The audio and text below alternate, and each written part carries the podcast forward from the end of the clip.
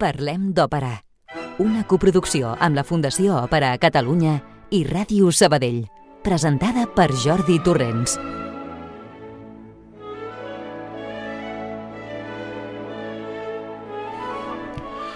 Bona tarda tingueu tots i totes, estimats amics i amigues oients de Parlant d'Òpera Ràdio Sabadell. O, potser millor, ja hauríem de dir bona nit, perquè després del canvi d'horari de fa uns dies, a l'hora en què aquest programa surt en antena a les 8 del vespre, ja és ben fosc. Per tant, ja tenim a sobre aquell ambient de tardor que ens porta directament a l'hivern i a les festes nadalenques que són ben a prop. Però nosaltres seguim a la nostra, parlant d'òpera. Tant és l'hora, la claror, la foscor, el fred o la calor siguin o no siguin festes nadalenques o de qualsevol altra mena. Com sempre, cada dijous, puntuals com un clau, ens presentem a les vostres llars. El d'avui també serà un programa amb música ben variada. Programa número 540, 9 de novembre, Dia de la Mare de Déu de l'Almudena. Per tant, una salutació als habitants de Madrid, ciutat que avui celebra la seva patrona. Rocío García, al control de so i qui us parla, Jordi Torrents, us donem una cordial benvinguda. Benvinguda.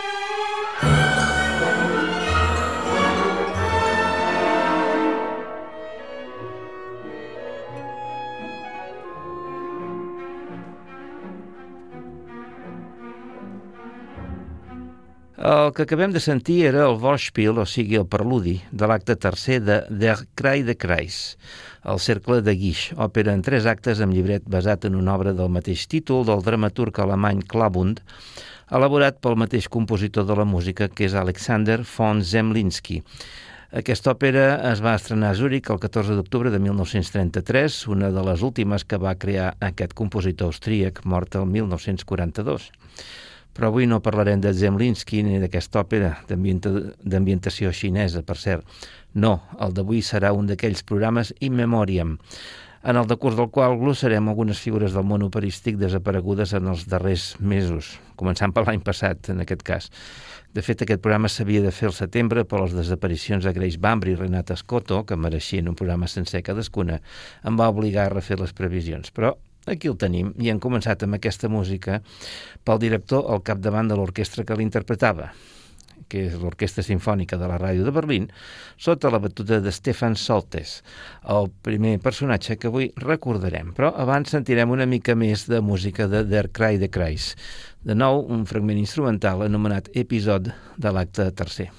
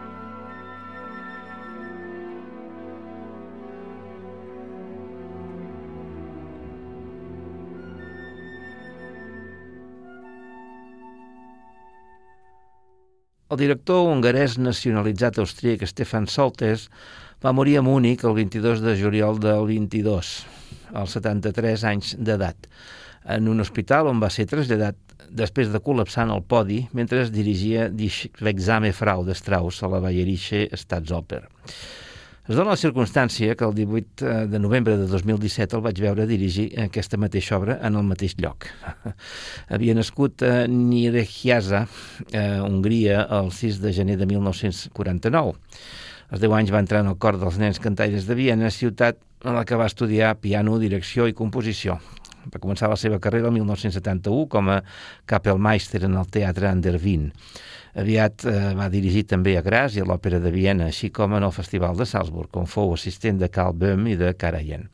Fou director a l'Òpera d'Hamburg i a la Deutsche Oper de Berlín, sent també director general musical a Braunschweig i director principal de l'Òpera de Flandes.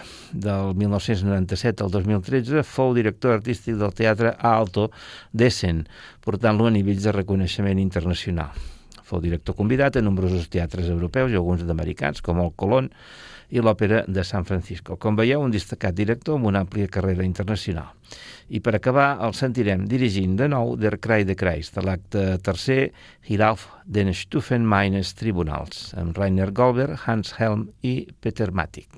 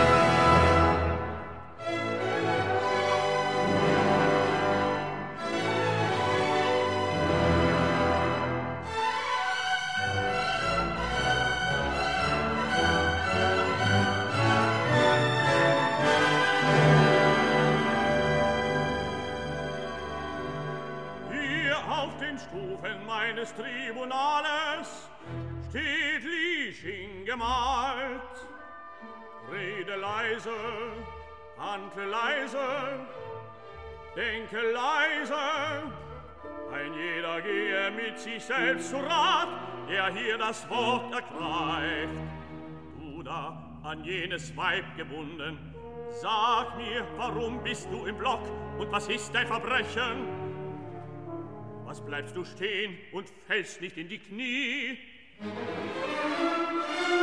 Gäbe es Gerechtigkeit in diesem Land, ich stünde nicht im Block vor dir. Wer so viel liebt wie ich, der kniet vor keinem Menschen mehr. Der Richter, was verbrach der Mann? Er lästerte des Himmels Sohn, die geheiligste Majestät.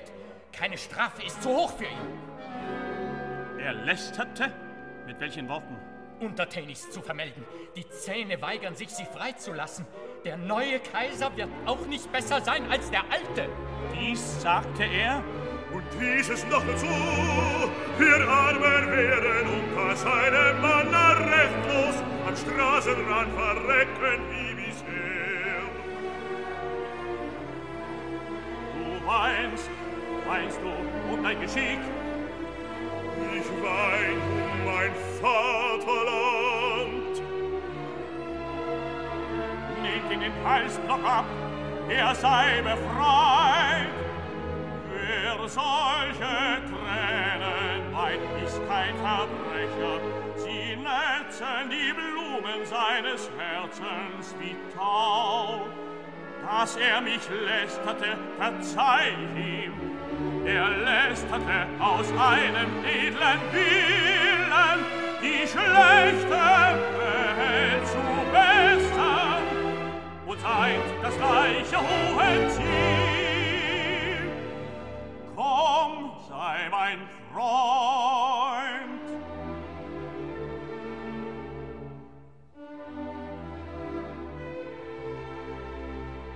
Lese hier einen mir vom Richter zu Cheng Kong eingereichten Bericht.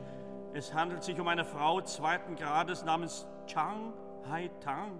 Parlem d'òpera a Ràdio Sabadell. I ara parlarem d'una soprano espanyola desapareguda, la veritat, massa aviat i que, sens dubte, molts recordareu per les seves actuacions en el Liceu. Recordo un Don Carlo, un Balo i Màscara, una norma. També li vaig veure un Don Carlo a Palma de Mallorca i la recordo també d'una vegada que va venir a fer audició a Sabadell. Parlo d'Anna Maria Sánchez, nascuda a Elda, província d'Alacant, el 12 de març de 1959 i desapareguda a la mateixa ciutat el 17 de setembre de 2022 a causa d'un càncer als 63 anys d'edat. La malaltia li fou diagnosticada el 2019, fet que va provocar la seva retirada dels escenaris. Va entrar en el món musical cantant en un cor i després va estudiar la carrera de cant en el Conservatori d'Alacant, perfeccionant estudis becada a l'Escola Superior de Canto de Madrid. Va debutar a Palma de Mallorca amb Nabucco el 1994, passant tot seguit a cantar el Guillaume Tell a Lisboa. Eh, va cantar en els principals escenaris espanyols, entre ells al Liceu, nombroses vegades, i després va fer el salt internacional, eh, apareguent en teatres tan importants com l'Òpera d'Hamburg, la de Joper de Berlín, la Bayerische Staatsoper, la Semperoper de Dresden, la Fenice o el Maggio Musicale Fiorentino. Això a Europa i entre d'altres. I a Amèrica, el Colón, el Belles Artes de la Ciutat de Mèxic o el Met de Nova York, on debutaria el 25 d'abril de 2001 com a Amèlia d'un balo i màscara. Al llarg de la seva carrera va alternar l'òpera amb concerts i recitals, també conreant la sarsuela. Igualment fou docent en el Conservatori del País Basc, el d'Alacant i també en el del Liceu. I ara la sentirem cantant una raresa, l'òpera Juan José de Pablo Sorozábal, en el rol de Rosa. Bondades hay que meten miedo. Eh, també eh, hi sentirem Olats Saitua eh, com a Toñuela i l'Orquestra Sinfònica de Musiquenes sota la direcció de José Luis Estellés, és de l'any 2009.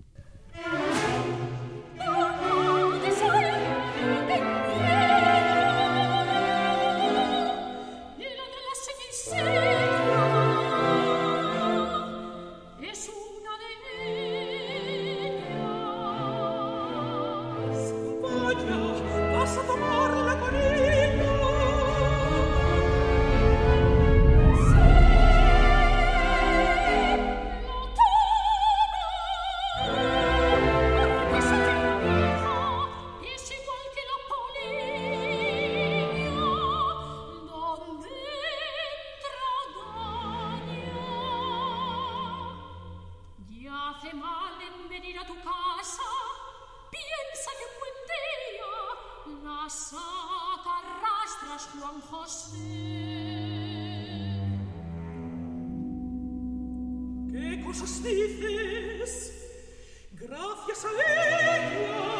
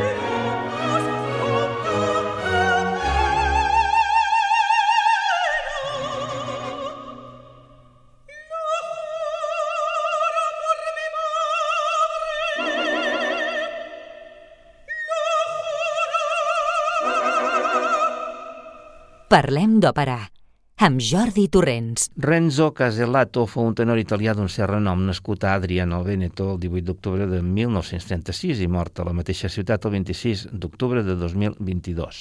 Eh, va iniciar els seus estudis encara molt jove a la seva ciutat natal i el 1955 va guanyar un concurs regional a Venècia, ciutat on va prosseguir els seus estudis. Va debutar el 1963 a Parma amb l'Elisir d'Amore i el mateix any ja va aparèixer a l'escala com a Fenton de Falstaff. Entre altres teatres italians va cantar l'òpera de Roma, el Reggio de Turí, el San Carlo de Nàpols o el Maggio Musicale Fiorentino. El seu repertori va ser de tenor líric lleuger primer i després de líric pur. Va fer incursions, però també en repertoris allunyats de l'italià, com ara el cas Macropoulos, de Jana Txeca a Bolònia, o el rei Roger de Simanowski a Palerm. Es va retirar el 1995. En el Liceu hi va cantar tres funcions de Don Pasquale el gener de 1979. I ara el sentirem cantant l'àrea La pena ed il dolor del personatge de Federico, de l'acte primer de la comèdia per música en dos actes, L'Osteria di Mare Chiaro, de Giovanni Paisiello, amb la Camerata di Mosca sota la direcció de Domenico Sanfilippo. La pena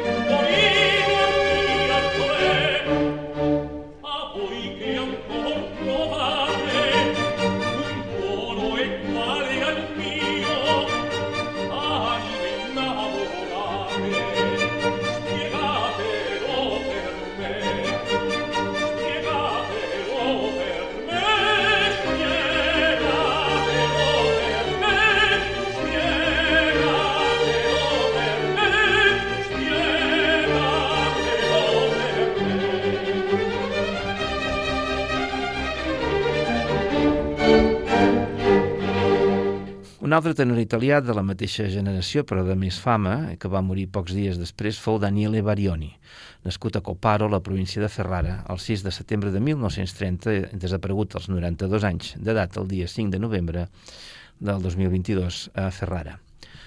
Va iniciar els seus estudis a Milà el 1949, inicialment com a baríton. El mateix any va fer el seu debut en un concert a la mateixa ciutat i poc després el seu mestre va veure que en realitat era tenor i eh, va canviar l'orientació dels seus estudis. Va debutar en òpera el 1954 com a Turiddu, de cavalleria rusticana en el Teatre Nuovo de la capital llombarda. El 1956 es va unir a la companyia del Met de Nova York hi cantaria durant set temporades. En el teatre novaiorquès eh, apareixeria al costat de les millors sopranos del moment, com ara Maria Callas, Victoria de Los Ángeles, Renata Tebaldi, Anna Moffo, Zinka Milanov, etc. El seu debut amb la companyia fou amb Tosca. 1962 va deixar el Met, però va continuar cantant pels Estats Units fins al 1975. Per bé que estava molt centrat a Amèrica, va cantar també per Itàlia, Brasil, Mèxic, Argentina, França, Alemanya, etc. El 1966 va cantar a l'escala. El seu repertori fou sempre de tenor espinto, amb una veu que fou elogiada per Mario del Mónaco, que considerava que era la més bonica veu de tenor del seu temps. El 1966 va morir prematurament la seva esposa i això va marcar l'inici del declivi de la seva carrera, baixant el nombre de representacions. La seva darrera aparició fou en el Teatre Comunale de Ferrara en un concert al costat de Renata Tebaldi. El sentirem a Dimmi che vuoi seguirmi, com a Ruggero de l'acte tercer de la Rondine de Puccini, amb l'orquestra d'òpera italiana de la RCA dirigida per Francesco Molinari Pradelli.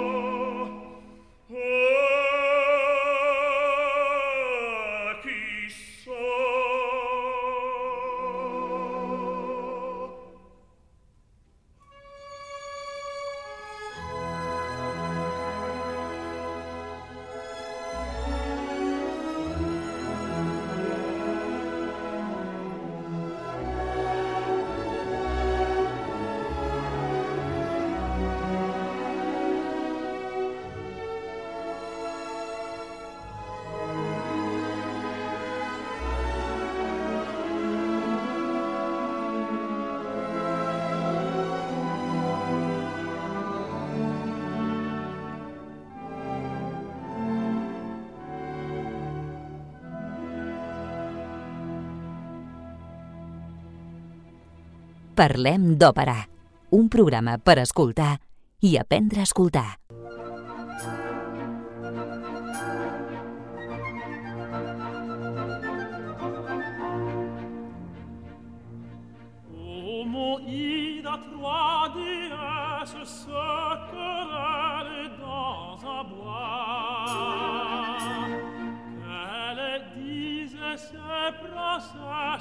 la plus belle de nous trois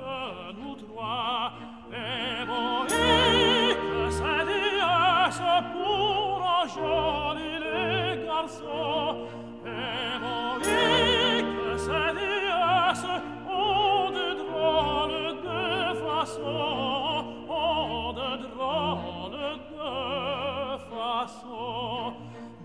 ce bois passe un jeune homme, un jeune homme frais et beau. C'est moi, ça m'attenait une pomme, vous voyez bien le tableau. Oh, oh là, haie, le beau jeune homme, beau jeune homme, arrêtez-vous.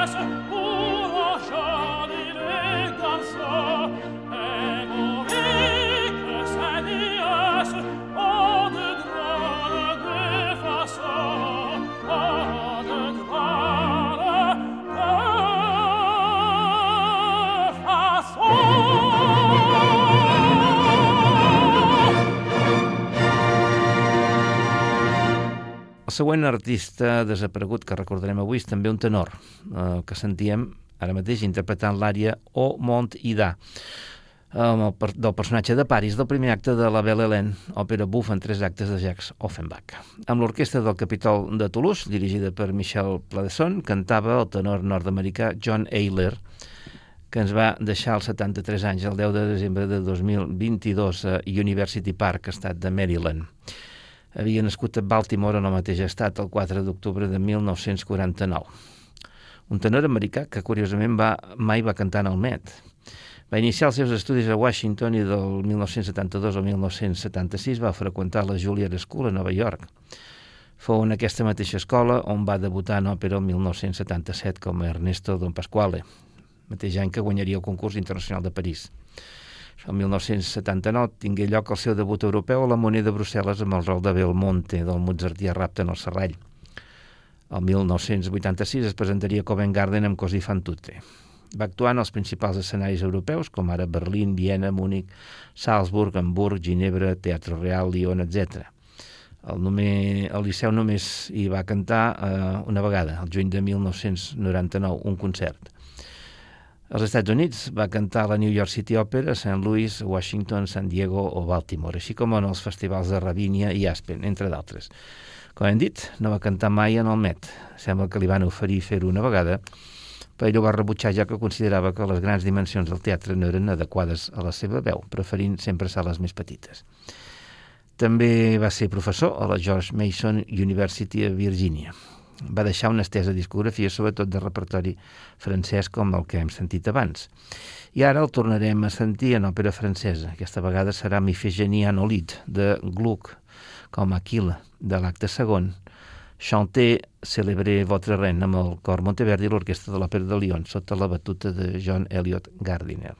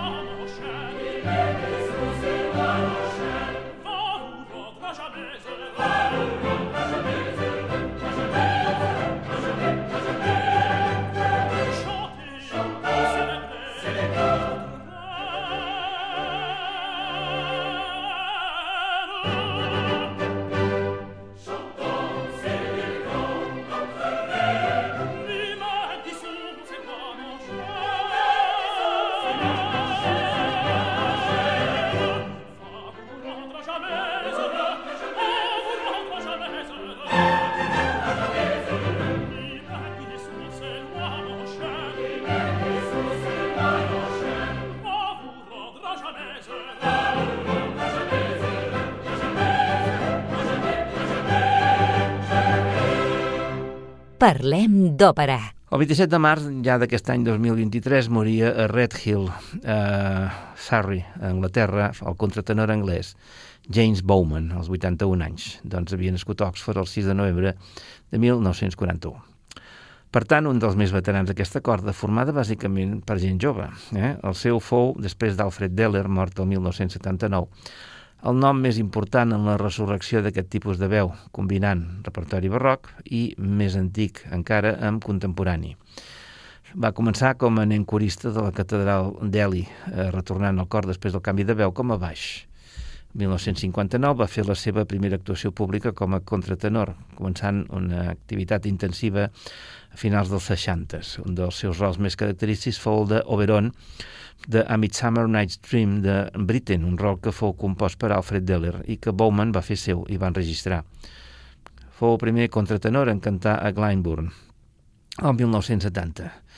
Uh, va cantar òpera en els escenaris més importants com Covent Garden, l'Escala, l'Òpera de París, l'Arena de Verona, Sydney, el Festival des Provence, l'Òpera de Viena, l'Òpera de San Francisco, etc. Es va retirar el 2011 i uh, el sentirem ara amb Handel, Ariodante, en el rol de Polinesso, coperta la Frode, de l'acte primer, amb l'English Chamber Orchestra dirigida per Raymond Lepard.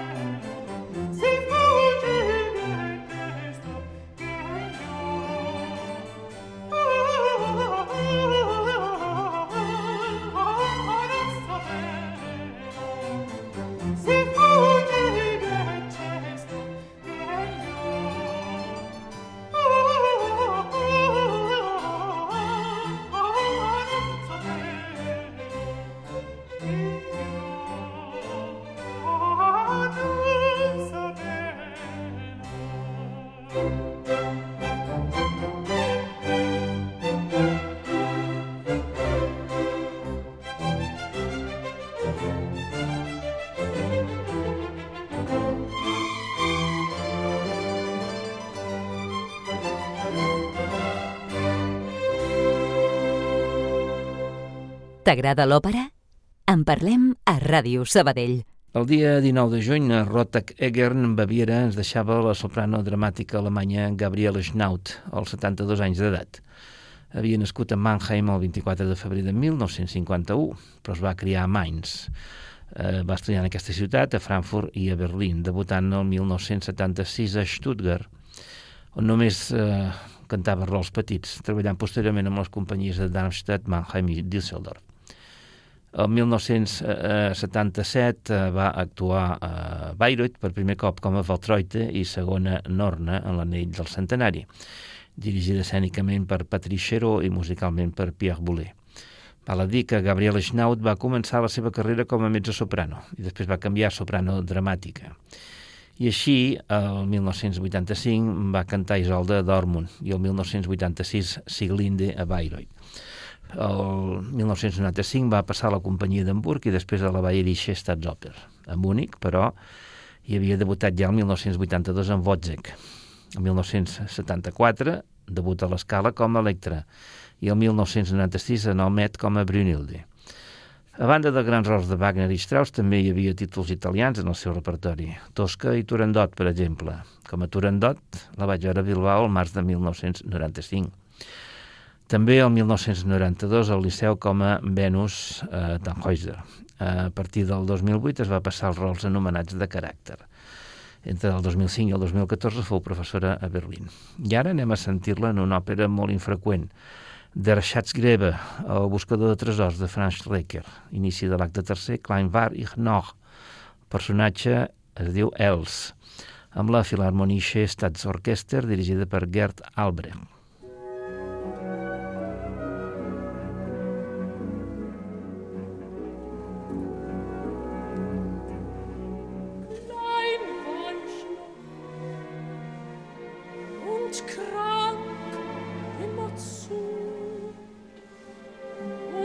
Bettchen saß sie, eine Süße.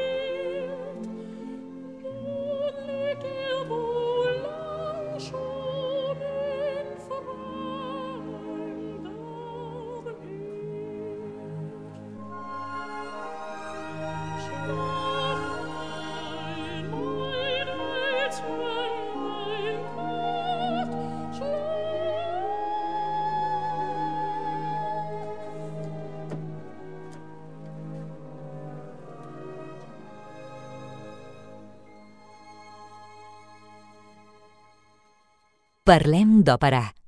A Ràdio Sabadell. I ara tornem a parlar d'un tenor, que en aquesta ocasió ha estat majoria. Parlem de Kenneth Riegel, un tenor americà nascut el 19 d'abril de 1938 a Womelsdorf, estat de Pensilvània, eh, i mort als 85 anys d'edat el passat 28 de juny a la ciutat de Sarasota, a Florida, a la costa del Golf de Mèxic, un d'aquests llocs per a retirats de luxe que tan abunden en aquest assolellat estat dels Estats Units. Ciutat, per cert, que compta amb un bonic teatre d'òpera on s'hi fan temporades interessants, on jo hi havia acudit alguna altra vegada quan vivia a Miami, uns 400 quilòmetres de distància. Uh, perdoneu la digressió. Mm, parlem, doncs, del tenor Kenneth Riegel, que va fer els seus estudis de música a la Universitat de Westchester eh, i el seu debut operístic a Santa Fe de Nou Mèxic el 1965 amb el rol de l'alquimista de l'òpera König Hirsch d'Hans Werner Hens. El mateix any ja va debutar a Covent Garden i el 1969 fou contractat per la New York City Opera on hi va debutar amb l'Air Espanyol de Ravel fins a, i ja així estaria fins al 1974. El seu debut en el Met fou el 1973 assumint el rol de Iopas a la famosa producció de l'Etroyen de Berlioz, compartint escenari amb cantants llegendaris com ara John Vickers o Shirley Verrett. En el Meti cantaria durant 30 anys més de 100 representacions d'òperes tan diverses com la Clemenza di Tito, els contes de Hoffman, Electra, Fidelio, Lulu, Mahagoni, la flauta màgica o Wozzeck. El 1975 va debutar en el Festival de Salzburg i el 1979 va participar amb el rol d'Alba a l'estrena mundial a París de la versió en tres actes de la Lulu d'Albenberg. Igualment, i també a París, va participar a l'estrena mundial en el paper del leprós de Saint-François d'Assís, d'Olivier Messiaen. Fou un dels cantants que va participar en la famosa pel·lícula de Joseph Losey sobre Don Giovanni, de la banda sonora de la qual ens sentirem una de les àrees de Don Ottavio cantada per Kenneth Riegel, Il mio tesoro intanto, amb l'Orquestra de l'Òpera de París, dirigida per Lorin Matzel.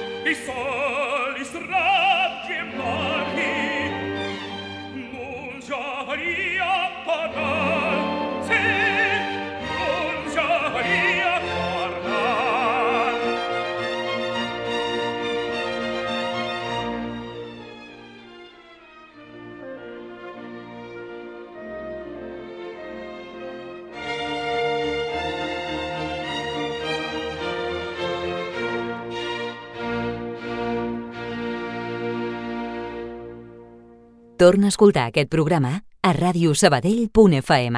I acabarem eh, la desfilada d'artistes traspassats amb un que fou un secundari de luxe, un d'aquells que assumien els rols petits, o no tan petits, els rols de caràcter, però que algú els ha de cantar també, no? Com fou el cas del llegendari tenor Piero de Palma, per exemple. El que ens ocupa també era un tenor, en aquest cas britànic i anglès. Més concretament es tracta de Graham Clark, nascut a Littlesborough, eh, la zona del Gran Manchester del Lancashire, el 10 de novembre de 1941 i que va morir el dia 6 de juliol d'enguany. Va començar cantant en el cor de l'església. Després de treballar com a professor de gimnàsia uns anys, va començar a cantar com a hobby, però va demanar una avaluació de la seva veu en el teatre de Sadler's Wells, a Londres, on li van recomanar prendre lliçons de cant, cosa que va fer però continuant amb la seva feina havent cantat en el York Festival de 1973, va obtenir una plaça en el cor del Festival de Wexford a Irlanda. I això li va permetre cantar petits papers. Un agent li va arreglar una audició amb Richard Boninch, que el va acceptar per a una gala benèfica a Covent Garden. D'aquí fou contractat a l'Scottish Opera, on va començar a fer rols secundaris. Després es va unir a la English National Opera, cantant també papers de protagonista en un repertori molt variat. El seu reconeixement internacional fou el 1981, quan va cantar per primer cop a Bayreuth. El 1985, debutant al Met, on va participar en l'estrena mundial de The Ghost of Versailles. Va cantar també en nombrosos teatres europeus, entre ells el Liceu, amb diversos Wagners i Covancina, Lady Macbeth d'Encensk i Electra. I acabarem el programa sentint Graham Clark en el Festival de Bayreuth de 1984, interpretant el timoner de l'holandès Arran, amb Valdemar Nelson dirigint l'orquestra del festival. Mitgewitter un Sturm aus fernem Meer. Eh? Doncs bé, ens retrobem d'aquí a set dies. Eh? Adéu-siau i fins dijous que ve.